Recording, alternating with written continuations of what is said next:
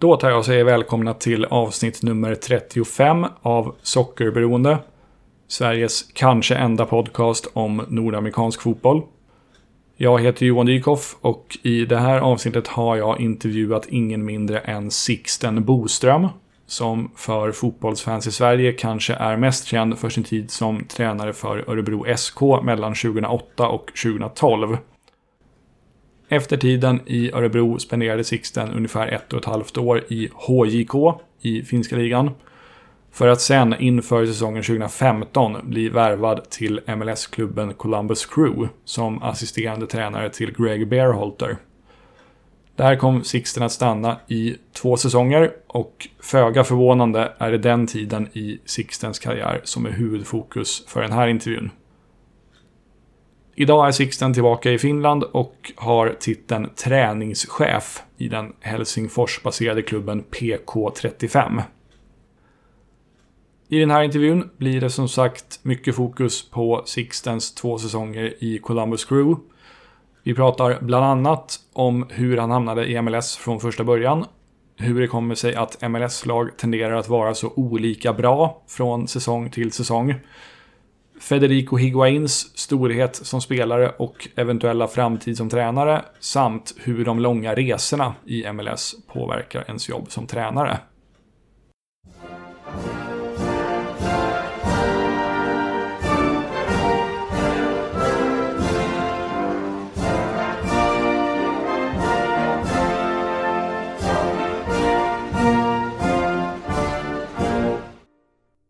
Till att börja med då, om vi går tillbaka till årsskiftet 2014-2015 eh, och innan det att din flytt till Columbus blev liksom offentliggjord. Kan du, för de som har dåligt minne eller bara inte har järnkoll på din tränarkarriär, kan du berätta var du liksom befann dig i karriären då och hur det kom sig att bli aktuellt med en USA-flytt då? Ja, alltså 2013 och 2014 så var jag huvudtränare då för HIK Helsingfors och, och 2013 vann vi guld och, och i finska ligan. 2014 eh, någonstans där mitt på så fick jag sparken och, och eh, så var jag då eh, några månader utan jobb då eller egentligen resten av säsongen och, och, eh, och hela, alltså hela den här processen med, med, med, med Columbus och man brukar alltid säga att allt händer väldigt snabbt och det, det liksom kommer grejer helt utan att man liksom själv har, har på något sätt liksom funderat eller tanken om, om det. Men, men, men hela processen egentligen kom igång så att, att äh, jag var på väg äh, på semester till New York och, äh, och det där och då hade jag träffat då Greg Börhalter. Uh, eh, eh, inte egentligen under den tiden som vi båda tränade i Sverige utan, utan det kom egentligen efteråt sen när jag blev tränare i HIK så vi började, vi planerade träningsmatcher under vinter, vintersäsongen. Och eh, vi tog färjan över härifrån och, och eh, till Stockholm och spelade en match och så tog vi färjan tillbaka. Så att, att vi gjorde det två år i rad. Och där liksom eh, fick vi då på något sätt, på något sätt liksom eh, en, en, en, eh, så att vi liksom lite lärde känna varandra och, och så. Och äh, när jag visste att, att jag då skulle till äh, New York på semester så tänkte jag att jag tar kontakt med, med Greg. Då visste jag att han, han hade börjat 2014 i Columbus. Och äh, så så jag var i kontakt med honom att det skulle vara skoj att träffas när jag kommer över och, och, eh, och så sa han att okej, okay, när du är här så ta kontakt med mig. Så ringde jag honom en kväll när jag då var än i New York och, och eh, närmast då att ska vi gå på lunch eller ta en kaffe eller fika eller något liknande och, och eh, så undrar, alltså vi, vi pratade säkert i två timmar på telefonen och, och, eh, och jag började lite fundera eller undra när han frågade om all möjliga spelfilosofier och grejer och, och, och, och jag var ju bara närmast tanken var att gå på lunch eller, eller en fika eller någonting och, och i slutet av samtalet sa han att de hade då en, en holländsk kille som assisterande tränare att de söker en ny och då var jag liksom okej, okay, så det här blev liksom en jobbintervju mitt i allt. Och, och, eh, och eh, då kom vi överens om att, att eh, följande vecka, då några dagar efteråt, så, så flög jag till Columbus, var där en, en, en dag. Och vi snackade mycket fotboll och de visade åt mig lite stadion och träningsanläggning och, och sådana grejer. Och, och Uh, samma kväll flög tillbaka till New York och uh, följande dag så ringde han och sa att de skulle vilja ha mig till, till Columbus. Okej. Okay. Och, uh, och då var det ju så att, att jag hade då förstås flygbiljetter tillbaka till Finland och, och, och någon gång i, i, efter, efter nyår tror jag att det var. Och, och men så sa han på samma gång att de har den här äh, den här college-turneringen. Ja, MLS Combine.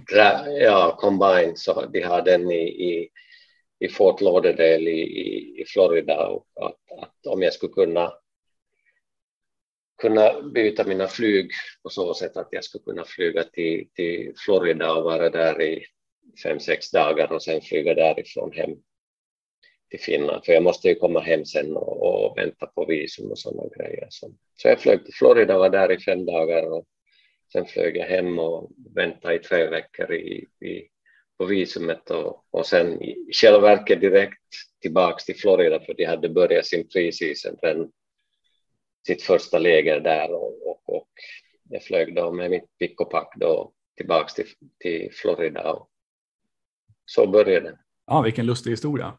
Men då måste du ja. fått ett väldigt bra intryck av Greg och Columbus som klubb.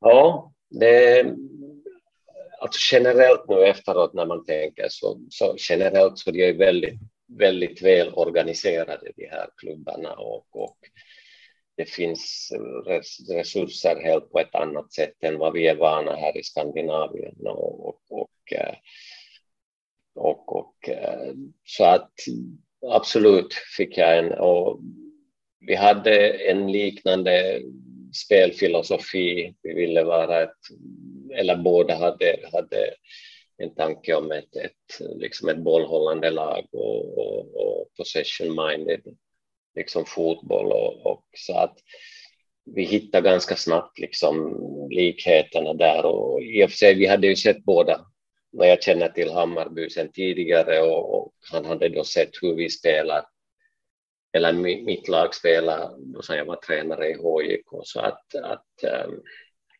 ja, så vi hittade ganska snabbt liksom likheter och, och, så det var inte på så sätt Nej. Någon, större, någon större grej. Hur mycket visste du om MLS som liga innan du flyttade över dit?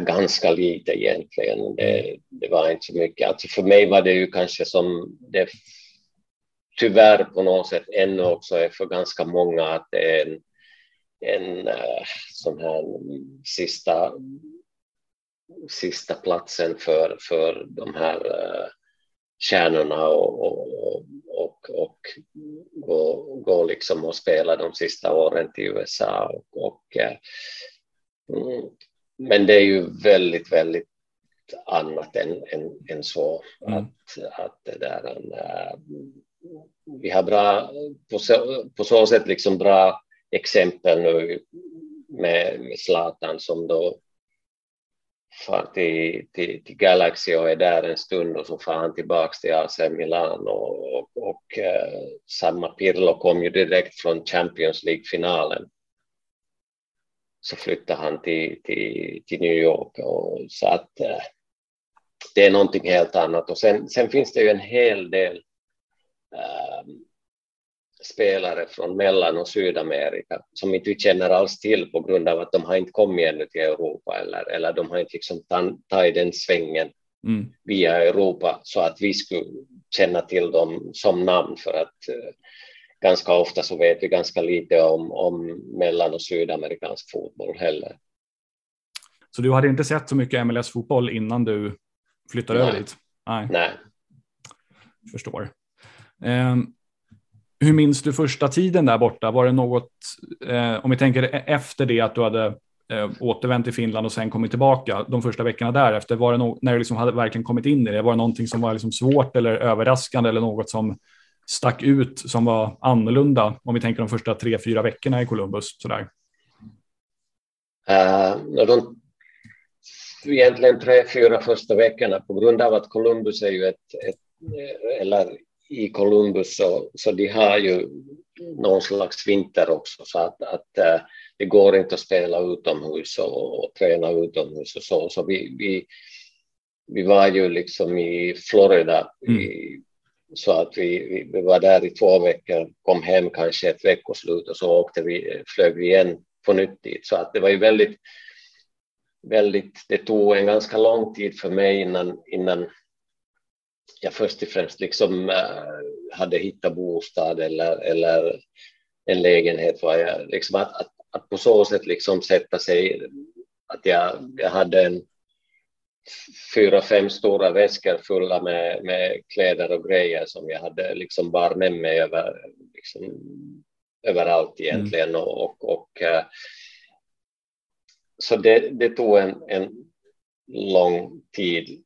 Sen det andra som man kanske inte var så van med var, var ju liksom den hela liksom organisationen som finns bakom liksom mängden av, av, eh, av uh, tränarstaben eller liksom alla som, som har dagligen har att göra med, med laget och spelarna och, och så. Att, att I något skede sen när jag hade kommit hem, hem efter de två åren som jag var där så, så, så försökte jag liksom lite räkna ut att hur mycket folk det egentligen var. Och jag kom till en sån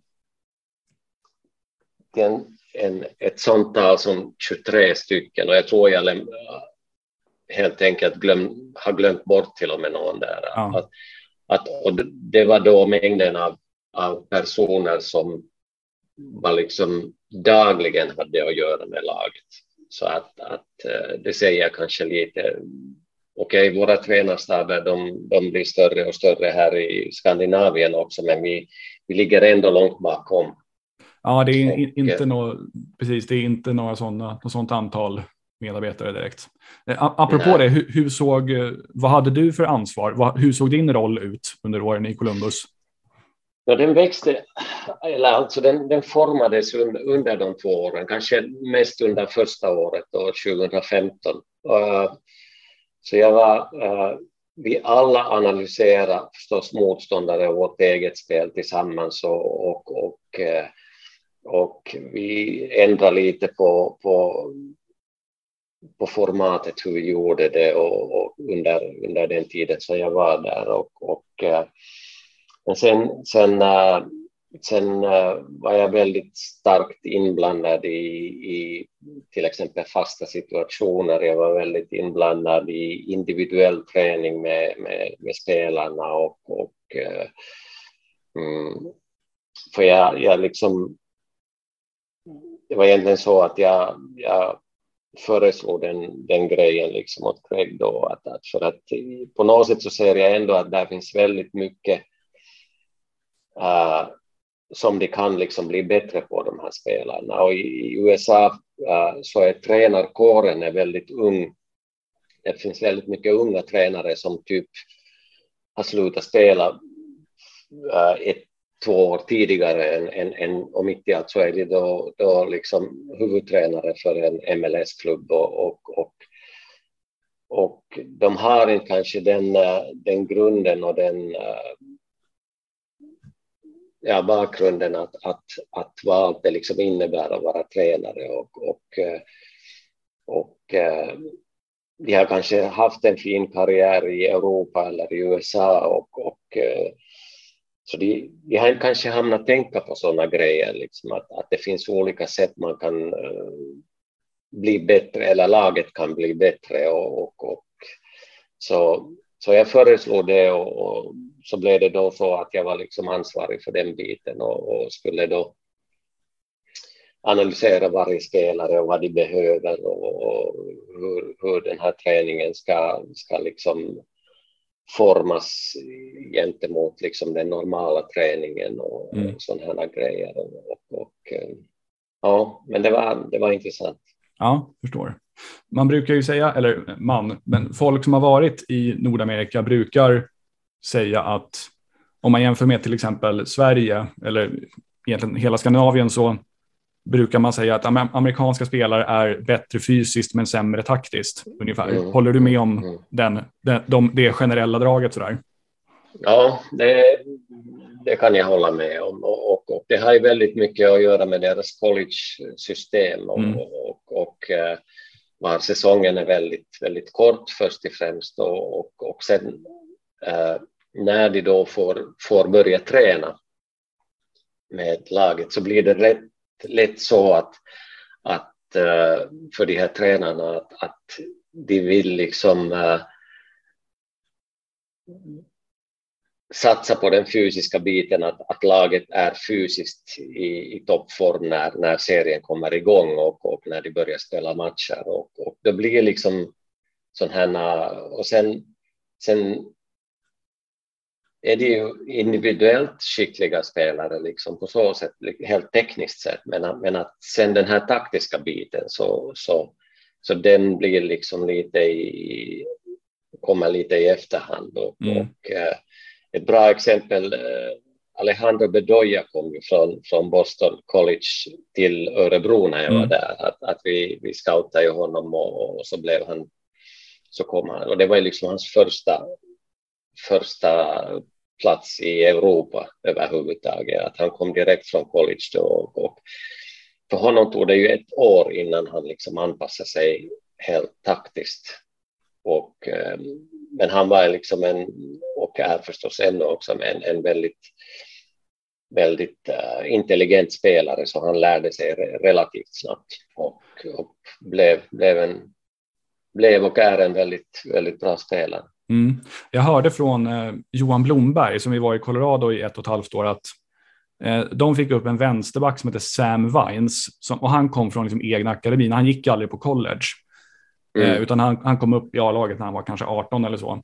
Och Johan berättade att eh, han stack ut bland de amerikanska spelarna på så sätt att han hade liksom den här, men den, en teknisk skicklighet och en taktisk skicklighet som andra amerikaner i regel inte har. Jag undrar om det kan ha att göra med just att han inte gick på college, utan han, eh, han, liksom, han det, var som att han var lite grann skolad på ett annat sätt. Och jag, ty jag tycker att man kanske kan se det bland de här som kommer direkt från akademin och inte går via college. Alltså collegefotbollen har väl sina fördelar förvisso, men som du säger, det, det, det, är en väldigt, det är väldigt udda sammanhang att spela fotboll i om man sen aspirerar att bli proffs. I och med att man spelar så här, tre månader per år och det är, nivån är väldigt ojämn som jag har förstått det också. Ja, nej, men det stämmer och, mm. och, och vi pratade om Combine här tidigare och, och, och jag kommer ihåg första gången som, som jag var där då så, så var jag liksom att inte, jag ser inte en enda liksom spelare här, att, att, att, eller det, i alla fall det var liksom väldigt svårt och, och, och, eh, och liksom hitta de där spelarna och, och eh, så det finns Alltså i det här college-systemet så finns det liksom både goda och, och mindre goda sidor. Liksom, mm. att, att, att, de har ju sen igen liksom förutsättningar nästan som våra allsvenska eller, eller finska ligaklubbarna har, att, att, att egna träningsanläggningar och, och en fin, oftast en fin stadion och speciellt de, de då som är liksom bra. Och, eh, och eh, men att, men att som du säger, den här tre månaders säsongen eller som, som den varar i och så, så det liksom räcker inte till för att gå igenom hela, hela liksom grejen liksom med alla de fysiska, taktiska, tekniska och, och bitarna så att, att att då, då blir det lätt så att det är den här liksom taktiska biten som, som, som fattas. Ja, precis. Ja, det är intressant det där. Um, jag tänkte fråga, eh, säsongen 2015, som var, det var ju din första säsong, då gick ju ni mm. ända till final, och sen, men sen 2016 ja. så kom ni näst sist i mm. Eastern Conference. Och även Portland, som var era, era finalmotståndare 2015, missade slutspel mm. 2016. Och den här typen av stora svängningar i prestationer är ganska vanligt i MLS. Ett annat mm. exempel är Toronto som vann ligan 2017 mm. och kallades MLS-historiens bästa lag för att sen året därpå missa slutspel. Och det finns ja. massvis av exempel. Har du någon teori vad det här kan bero på? Alltså det är som att klubbarna är liksom dåliga på att förvalta kvaliteten eller bibehålla den här positiva trenden. Vad, har du någon idé om vad det kan bero på? Um, alltså en grej som, som absolut har att göra med det så är, är um, det är väldigt svårt och uh, egentligen planera den där off-season som kommer sen efter att du har varit spelat i final kanske någonstans i början eller till och med närmare mot mitten av december.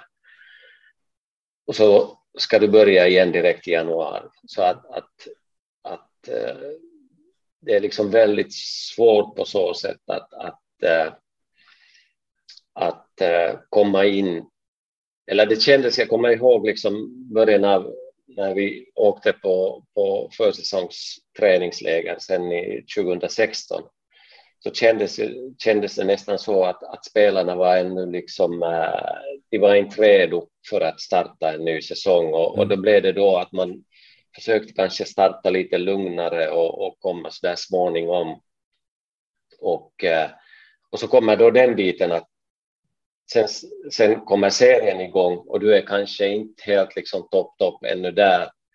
Och fast du liksom skulle, skulle komma ikapp de andra, både då fysiskt och hela, hela den biten, men att eh, du kanske förlorar en eller två eller kanske fem första matcherna och de går inte riktigt så som du... Så då mm. kommer den här mentala biten in och, och eh, som kanske sen håller på till och med hela slutet av säsongen ja. eller, eller serien. Och, och, och där, där, där tror jag att de, de alla har liksom lite problem. Som du säger, att, att, att uh, Atlanta hade samma sak. De ja, var helt, exakt. i princip överlägsna när de vann och, och, och följande säsong så så var det inte nära heller att komma, komma med i, i playoffs. Och, mm. och det sker egentligen nästan varje år. Och Columbus, ja, det, hade nu, Columbus hade i själva verket nu, de vann ju förra året. Ja, exakt. Y ytterligare ett exempel, precis. Ja, så mm. att, att, uh, så att det, det är en svår sits.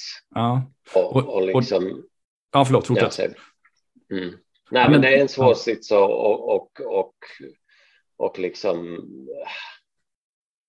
handskas med den biten. Och, mm. och sen allt, allt liksom försenas. Eh, det, det, är samma sak liksom med, med, med spelarkontrakt och du kan inte börja mitt när du är i playoffs och, och börja för att bara för att inte liksom få något extra strul med, Nej, med de bitarna. Så att, att, man, flyttar, man flyttar på så många grejer liksom framåt och sen ska mitt i allt allt igen igång och, och du, du, ligger mitt i förhandlingar med, med, med, spelare, kanske till och med dina liksom, äh, nyckelspelare. Och vi hade en sån situation med Kai Kamara då i, i Just det. Alltså vi, var lång, vi var långt inne i, i, i försäsongen redan och, och på läger och han höll, han höll på att förhandla ännu med klubben och, och, och, var inte med alls. Och liksom det, det är liksom jobbiga bitar på så sätt att ja. handskas med. Det förstår jag. De, de försöker ju, alltså MLS vill ju att ligan ska vara jämn och att det ska vara eh, Alltså de försöker ju uppnå en jämnhet på, och det försöker de göra på liksom ett strukturellt plan. Så att, att om man kommer sist får man välja först i draften och sådär. jag, jag tror man mm. får de lagen som missar slutspel får väl också lite extra sådana här allocation money. Men det, jag har alltid tänkt, det, det är så pass li, alltså det, det är ganska lite pengar det handlar om och draftvalen, de är inte, det är inte så viktigt. Så det, det kan liksom inte vara bara det som spelar roll kring, kring det här med, med, att det är så stor variation kring vilka lag som presterar och inte presterar. Utan, men, men det som du nämner, det måste ju definitivt spela roll. Det, det köper jag helt mm. klart. Mm. Um, en grej som jag funderar på, när man som ni då låg i, när man ligger i botten av tabellen som ni gjorde 2016, ni kom ju som sagt näst sist. Eh, vad gör det då för skillnad att man inte kan åka ur? Blir liksom spelarna mindre taggade för att man inte kämpar mot någon nedflyttningshot eller så? Uh, ja, det är en intressant fråga för att, för att uh, alltså på något sätt så, så, så ändrades min åsikt lite om, om, om liksom hela den här grejen under den tiden som jag var där. Att, att när, när jag for dit så tänkte jag liksom att det är ju helt på något sätt löjligt att, att man kan inte liksom åka ur serien och, och, och liksom hela den biten. Att, att när man är van i princip överallt i alla andra länder att, att det är så som systemet fungerar. Att, mm. Någon vinner och någon åker ur och någon hamnar kanske kvala och sådana bitar. Men att, men att på något sätt så, så så fick jag en liksom förståelse för, för, för hela, hela... Alltså först och främst så hade ju all lagsport samma system mm. liksom i, i, USA. Och, så alla, alla där är ju liksom vana med den, att, att det är så här som det fungerar. Och, och man växer, man växer liksom med den tanken att, att, att i princip man köper sig in till olika major leagues mm. oavsett vilken, vilken sport man pratar om. Och, och, eh, och, eh, och så, kommer, så kommer vi liksom in, in sen på den här, liksom, äh, den här äh, resursbiten. Att jag har svårt att tänka mig att en, en säger en svensk eller finsk eller norsk mångmiljonär skulle sätta in 500 miljoner euros eller dollar i en klubb om du har risk att åka ur efter första året. Mm. Men där när du, när du då, för att om, om, om vi säger att, att äh, för äh, 15-20 år sedan så kostade det kanske en 10 miljoner dollar och köpa sig in i, i, i inom citat då, uh, i MLS. Mm. I dagsläget pratar vi om kanske 200 miljoner ja, dollar. Och uh, utöver det så ska du då bygga en, en stadion som kanske kostar en 200-250 miljoner dollar. Så då, då är vi närmare en, en liksom 500 miljoner innan du har spelat en enda match ännu. Och, och, och, och, eh, och, sen ska du, du då bygga ett lag utöver det. Så att, att, att det där, eh, jag har svårt att se att, att det skulle ske liksom i, i Skandinavien på samma mm. sätt. Och, och, Precis. Nej, men, och då, då, då, då, förstår jag liksom den biten. Då förstår jag liksom den biten att, att, att du har den där någon slags försäkring om att, att när du då investerar de här pengarna så, så vet du att, att du får tid att utveckla liksom hela, hela klubben i lugn och ro. Ja, precis. Jo, det, det finns ju en ganska så någorlunda stark liksom, som säger, rörelse på gräsrotsnivå om att man vill införa upp och nedflyttning i Nordamerika. Men, men han, Don Garber som är typ vd för MLS, han har sagt att nej, det är helt uteslutet. Det kommer aldrig mm, hända. Mm. Och för de tittar ju, de tittar ju ur det perspektiv som du beskriver, att då, men då, då är det helt ointressant för investerare att att gå in i ligan och så då, då, kommer vi inte ha någon liga. Så det, det, ja. eh, Jag tror om det sker så sker det först i USL. Ja, var, möjligen där. Precis. Var de har de här olika nivåerna på, de heter ju alla USL nu för tiden, men att det ja. finns olika, olika då nivåer på, på, på de här serierna. Och, där kan det i något skede ske så att, att, att, men i MLS kommer det nog inte ske på en, på en tid. Nej, knappast. Um, du nämnde Kai Kamara tidigare. Får jag fråga om den här situationen med honom och Federico Higuain? Är det okej okay att fråga om det? ja, ja. Nej, du, får, det, du, får, säga om, om, det är något, om, om, du inte, om, du inte, om det är någonting du inte vill svara på. Men eh, det var ju så, det var en match mot Montreal och Kai Kamara hade gjort två mål och så fick ni en straff och Kamara ville ta straffen men Higuain var utsedd straffskytt och så blev det, ja. lite bråk dem emellan och det slutade med att Higuain tog straffen och gjorde mål. Eh, och sen efter det så gick Kamara ut och ja, sa väl inte så vänliga saker om honom, Higuain, alltså, och sen några dagar senare så blev han tradad till, till New England. Eh, mm. Vad kan du liksom berätta om vad som hände bakom kulisserna där? uh, jag tror på något sätt att, att uh, det här var kanske liksom pricken på i mm. i, i hela Kai Kamara-sagan på något sätt. Att, att, att uh, det var en hel del olika grejer som, som redan hade liksom skett en lång tid innan och, och, och, eh, och det här var då kanske det sista. Då, och, och, och, eh, och eh, jag, jag nämnde tidigare om att Kai Kamara förhandlade väldigt, eller det tog väldigt lång tid då i, i början av, eller under, under början av 2016, mm. liksom hans kontraktsförhandlingar och, och, och för, för han ville ju bli en, en sån här designated player. Och då Higuain var, var ju liksom det. Och, och, eh, och eh, så att, att det, det tog en, och jag måste säga att Kamara var ju liksom en, en stor del i det att, att, att vi kom ända till finalen. Ja. 2015, att han gjorde väl en 23 mål på den säsongen eller något liknande. Lika många som Jovinko gjorde han det året. Ja, just det. Ja.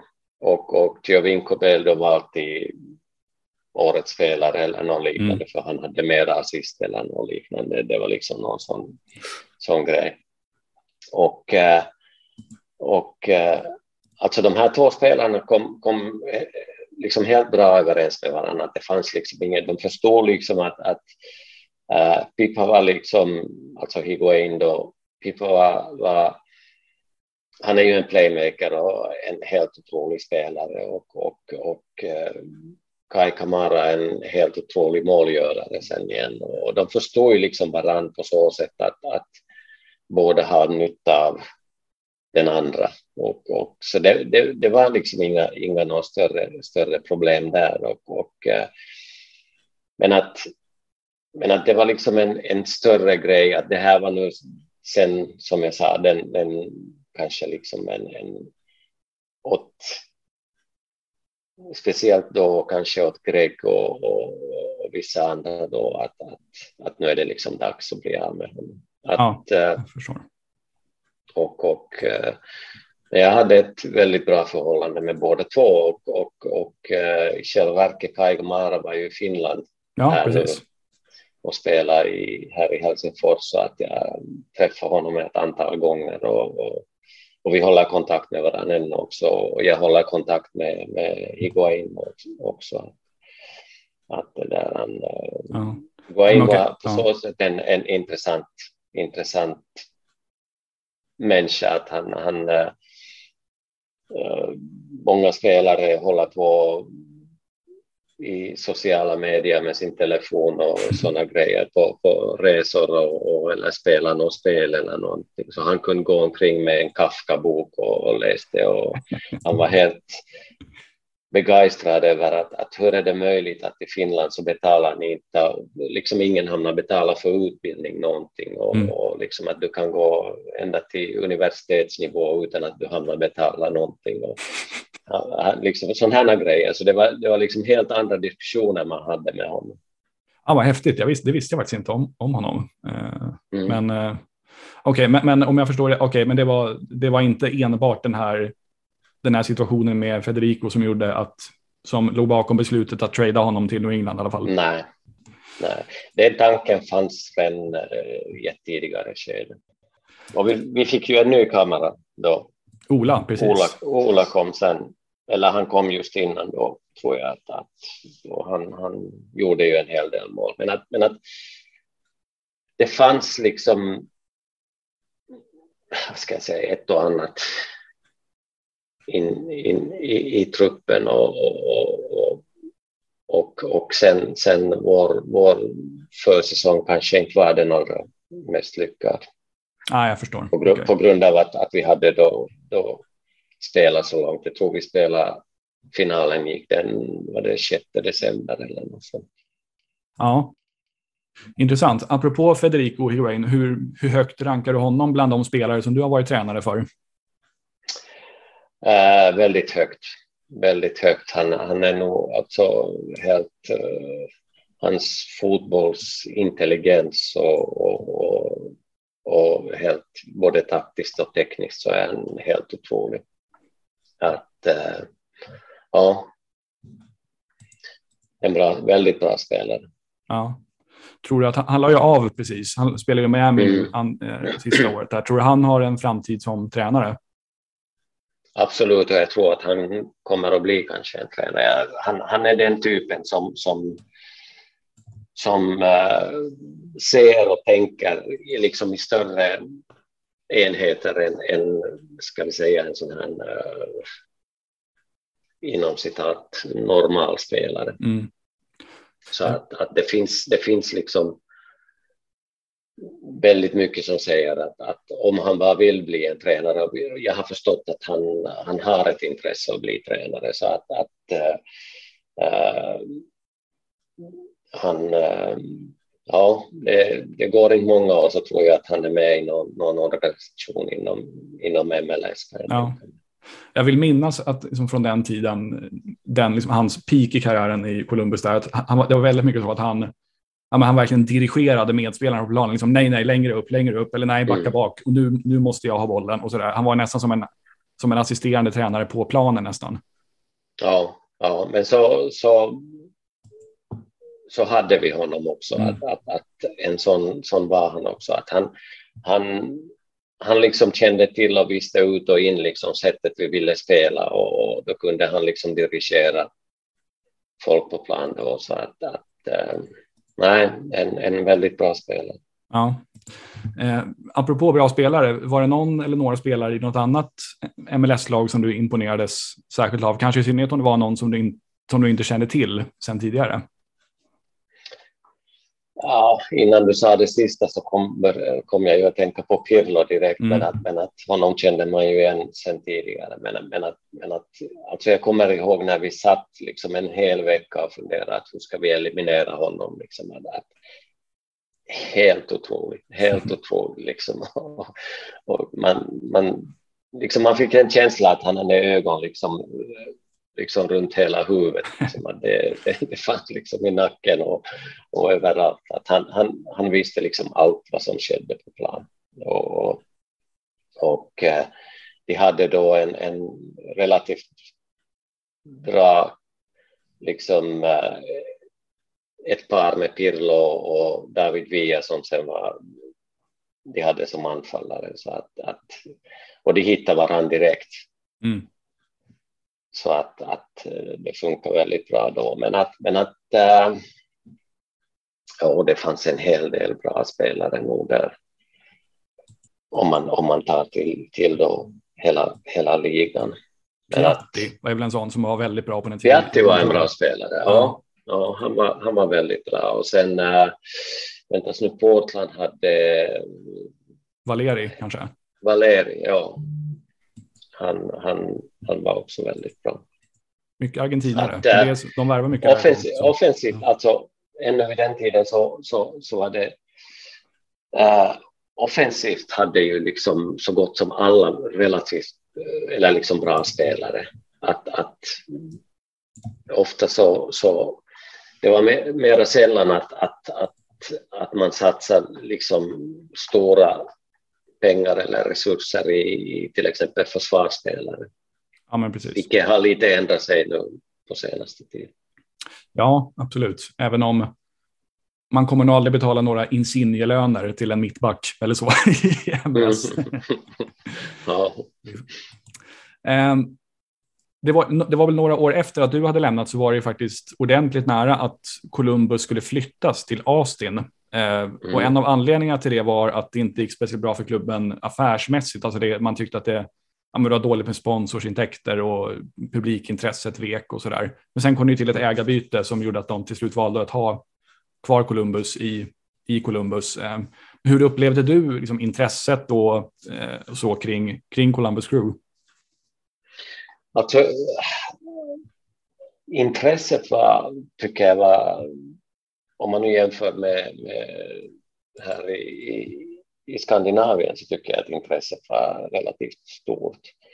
Och, och eh, vi hade väl en, ett snitt på 15-16 000 på hemmamatcherna. Så att, att på så sätt så var det liksom helt okej. Okay.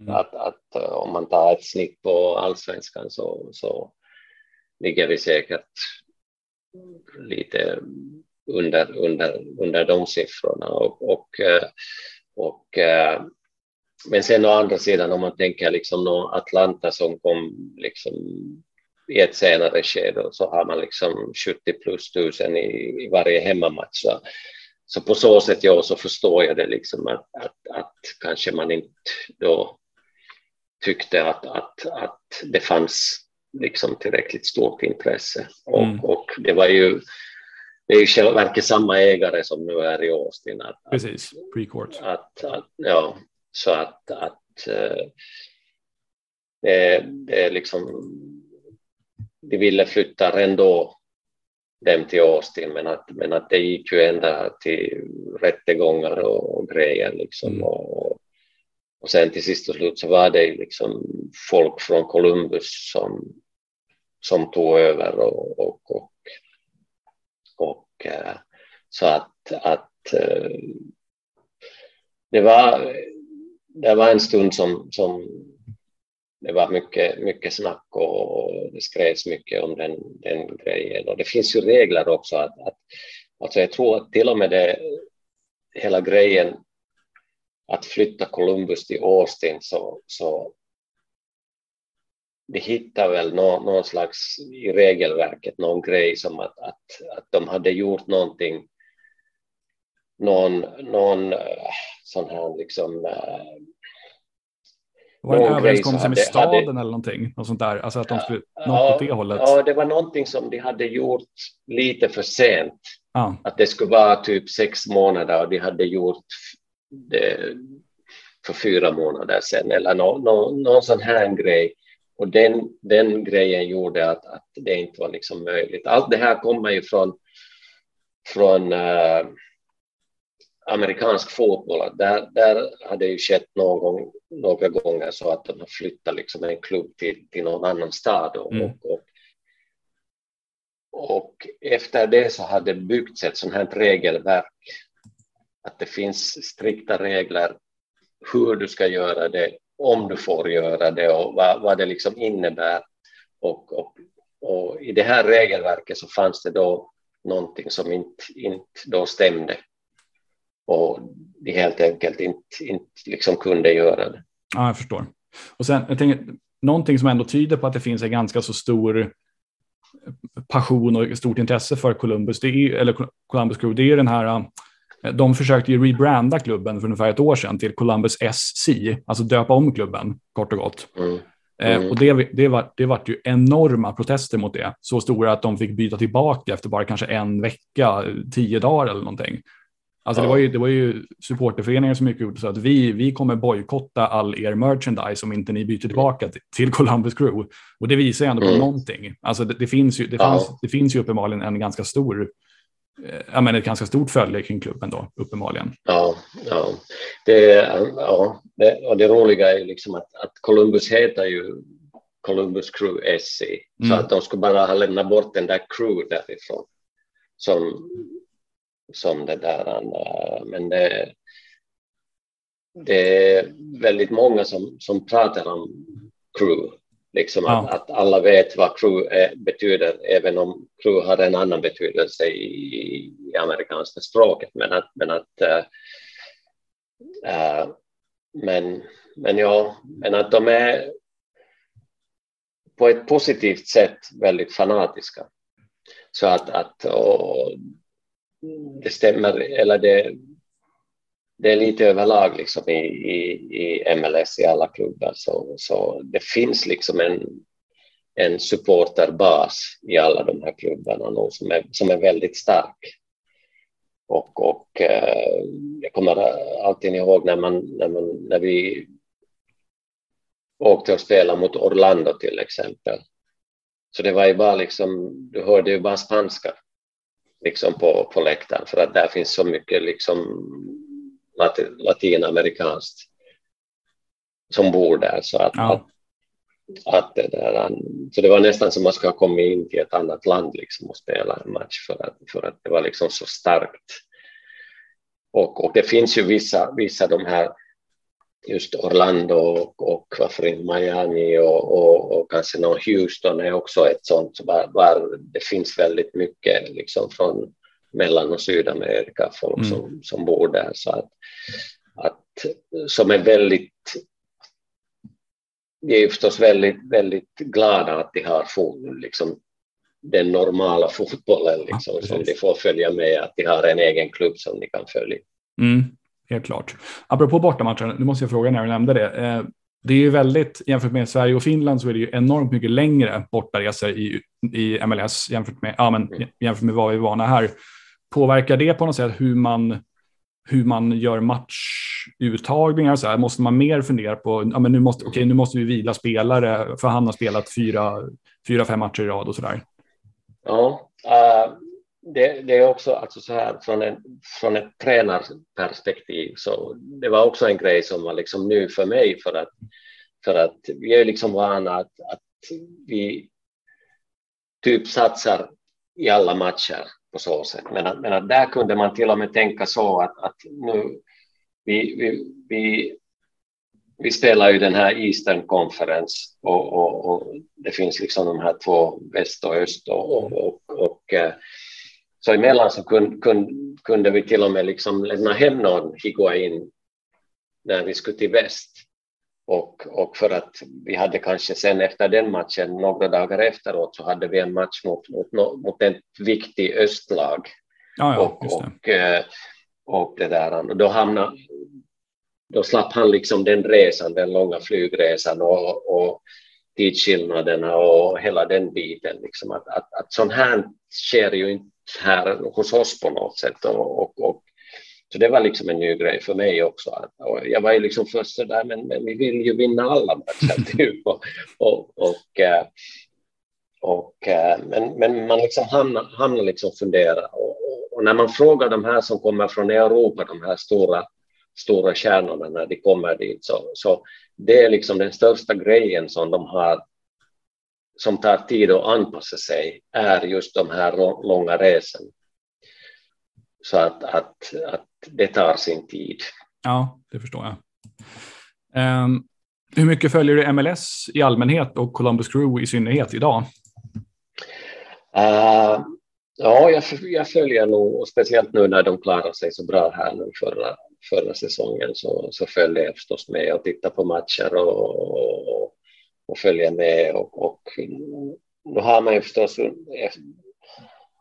när man då har varit där ett par år så, så, så man har ju fått liksom vänner som nu är i andra klubbar också. Att, att, att, uh, vi har ju liksom en, en assisterande tränare, huvudtränare för, för Austin mm. och vi var tillsammans i Columbus. En annan assisterande tränare är general manager i Houston vi har en just, och, och vi har uh, en som var ansvarig för, för vår akademi i Columbus och han är nu huvudtränare i Dallas och, och, och eh, så att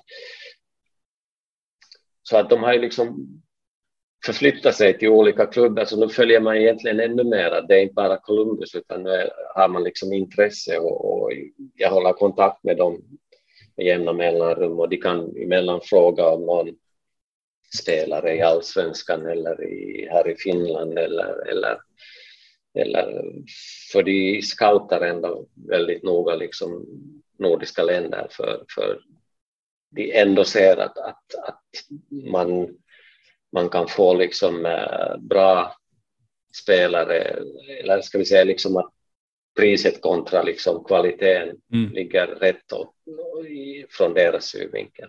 Just det. Och det är även en hel del spelare från din tid där som fortfarande håller igång, som Steve Clark och Ethan Finley och mm. Eh, Justin ja. Merram, Will Trapp och Hector Jiménez ja, ja. allt vad de heter. Så. Ja, ja. Nej, men det, det, det, är intressant att följa med. Ja. Jag tänker, du som har varit i MLS. Eh, tycker du, och fortfarande följer ligan, tycker du att det känns som att ligan tar kliv framåt så att säga? Nu blev ju som sagt Insigne klar häromdagen för Toronto. Det är en jättevärvning. Sen läste jag bara precis innan vi började prata att eh, Orlando, de verkar ha klart med en 21-årig ytter som är, har varit typ ordinarie i Uruguays A-landslag senaste året. Mm. Så där, alltså det, mm. det, sånt hände ju inte när jag började följa ligan 2009. Så för mig känns det ganska tydligt att ligan tar kliv framåt i det perspektivet. Sen finns det förstås mycket annat, så här att man ska ha fungerande akademier och bra tränarstaber och sånt. Men ur ditt perspektiv, hur, hur ser du på MLS utveckling? Um, jag tycker den, den, alltså den utvecklas hela tiden för att, för att vi har mera resurser uh, uh, och, och det här lönetakssystemet, så det, vi har ju det ganska intressant att vi försöker ju hålla det liksom på en viss nivå, men sen mm. kommer det alla de här som du nämnde, allocation och, och targeted allocation och på så sätt så, som växer egentligen liksom spelarbudgeten nästan varje år. Att, att, att, eh, plus att vad som, vad som har liksom skett här nu de senaste åren är liksom det att, att, att vi har ju börjat sälja spelare till Europa, till stora ligor och, och stora klubbar, så att, att de får ju liksom där och, och, och då pratar vi kanske om, om uh, mellan 50 och 100 miljoner kronor och, när, när, de säljer en spelare, så att, att det är ju liksom stora pengar. Och, och, eh, och allt det här liksom äh, gör att de har möjlighet att skaffa bättre spelare, de har möjlighet att satsa liksom på akademier. Nu kommer det ju den här Next, vad, vad den nu heter, liksom den här någon slags reservliga som de börjar spela med, med, med de här eh, liksom, unga spelarna som just ligger kanske under, under då eh, äh, MLS-laget och, och, och, så de, de bygger ju på hela tiden och, och, och äh, så att det går absolut framåt hela tiden och den, och den utvecklas. Ja, och jag tänker för varje Alfonso Davis och Miguel Almiron och nu han Ricardo Peppi som gick från Dallas till Augsburg. För varje sån försäljning så måste ju det väck, eller det måste ju göra någonting hos agenter och även unga spelare att de inser att okej, okay, MLS är faktiskt en legit liga om jag vill ta ett steg till en bra europeisk liga. Så måste det ja. funka. Ja. ja, på något sätt så kanske liksom Giovinco var kanske en, en, en sån där på något sätt en, en av de första som, som ändå hade ännu liksom en, en, en på riktigt en, en karriär i Italien och så valde han att och, och komma och spela till, till MLS. Att han, han, var, han tillhörde ju ännu liksom landslagstruppen när han kom mm. och gjorde det ännu en, en tid efter. Att, att, att, så att, att man läser ju hela tiden om, om, om spelare i, i, Europa som, som börjar att det skulle vara skoj och det skulle vara roligt att spela i MLS i något skede och, och, och kanske redan innan man är 30 någonting utan, utan i ett tidigare skede. Och, och, och, eh, och det säger ju liksom bara det att, att, att de tycker att organisationerna är tillräckligt bra, att, att de, de kanske ännu utvecklas som spelare och de ser den nivån tillräckligt hög. Och, eh, och sen då liksom att, att det finns liksom ett intresse att flytta till, till MLS. Verkligen. Och det som är så kul med, eller just fallet Jovinko, men sen finns det fler fall som Robbie Keane och David Villa, det är att de, de alltså om de kommer i någorlunda bra ålder så kan de ju vara i MLS i fyra, fem säsonger och verkligen prestera mm. över tid också. För, och då, bli, då blir det verkligen inte det här uh, retirement League-vibben. Ja. Alltså att man kommer att spela ett år och, så, och sen är det bra, utan alltså de spelarna som ja, men de som exempel, de var ju där i fyra, fem år och mm, var verkligen mm. bra under en lång period. Och då blir det verkligen att de gör ett stort avtryck och det blir liksom inte bara en parentes i karriären. Så. Nej, det, nej. det, är väl, det är någonting som jag verkligen värdesätter. Um, mm. Innan vi avslutar tänkte jag fråga, Eh, liksom där, utanför fotbollen, hur trivdes, du, hur trivdes du då i Columbus? Columbus är ju kanske inte den mest sexiga staden i, i, i, det där i USA, men att, men att eh, för mig så var det ju intressant att liksom se under en relativt kort period så han, man hann ju liksom se väldigt mycket. Alltså USA är ju så otroligt stort att det är ju nästan som du skulle åka till, till ett annat land. Liksom att, att, eh, att när du åker från en stad till en annan att, att, eller flyger. Och, och eh, så på så sätt liksom att se västkusten eh, och, och det här eh, området då var, var Vancouver, Portland, Seattle och, och liksom den biten och så, så har du då kanske liksom, eh, ja, när du kommer ner till, till Sydflorida och de här bitarna. Så man, man, man, fick ju liksom en bild på, för att, för att just på grund av eh, tidsskillnader och sånt här. Som, vi åkte ju alltid två, tre dagar innan för att spelarna måste akklimatisera sig och, och hela den biten. Så för oss som tränare så kanske du hade lite utöver träningen så hade du lite tid och, och kanske hyra en, en, en, cykel eller något liknande och lite köra omkring och, och sådana här bitar för att, för att jag tycker att för mig har det alltid varit intressant liksom att få lite mera kött på benen när man åker någonstans, att, att man ser lite att hur, hur, hur, det liksom, hur det ser ut där och, och på så sätt liksom se och lära sig nya grejer. Och, och, och på så sätt så var det intressant. Sen då, mm. som jag sa, Columbus, okej, okay, det var liksom ett ställe var man bodde. Och, och, eh, men där var det ju bäst bara då jobbat, att, att man åkte åkte till träningsanläggningen tidigt på morgonen och så kom man sent på kvällen hem och, och, och, och det där. Det är en grej som, som, som äh, man liksom jag säger inte att, att vi som tränare här jobbar väldigt mycket, det gör vi liksom äh, dygnet runt i principen, att, men att där finns det nog en sån på något sätt till och med någon gång lite till överdrift att, att, att, att vi har, man har inga lediga dagar och, och, och som sagt, man åker hemifrån sju på morgonen och man kommer åtta på kvällen hem igen och så ungefär äter du och går och lägger dig så att du orkar stiga upp sex följande morgon. Och vissa klubbar och vissa städer så hamnar, hamnar de göra så att de åker en fyra, fem tiden på morgonen för, för att undvika liksom, äh, äh, trafiken så, så de åker ännu tidigare. Och, och, äh, men det var intressant att se det landet, att, att, att och man, man hann liksom på en kort tid se väldigt mycket. Ja. Men om du ska på semester till USA så står kanske inte Columbus högst upp på listan med andra ord? Mm, nej, nej det, det kanske inte, inte, speciellt nu när det inte finns så många liksom på så sätt kvar mer av dem som, som man jobbar med då. Att, att, att, äh, då skulle jag välja kanske något annat ställe.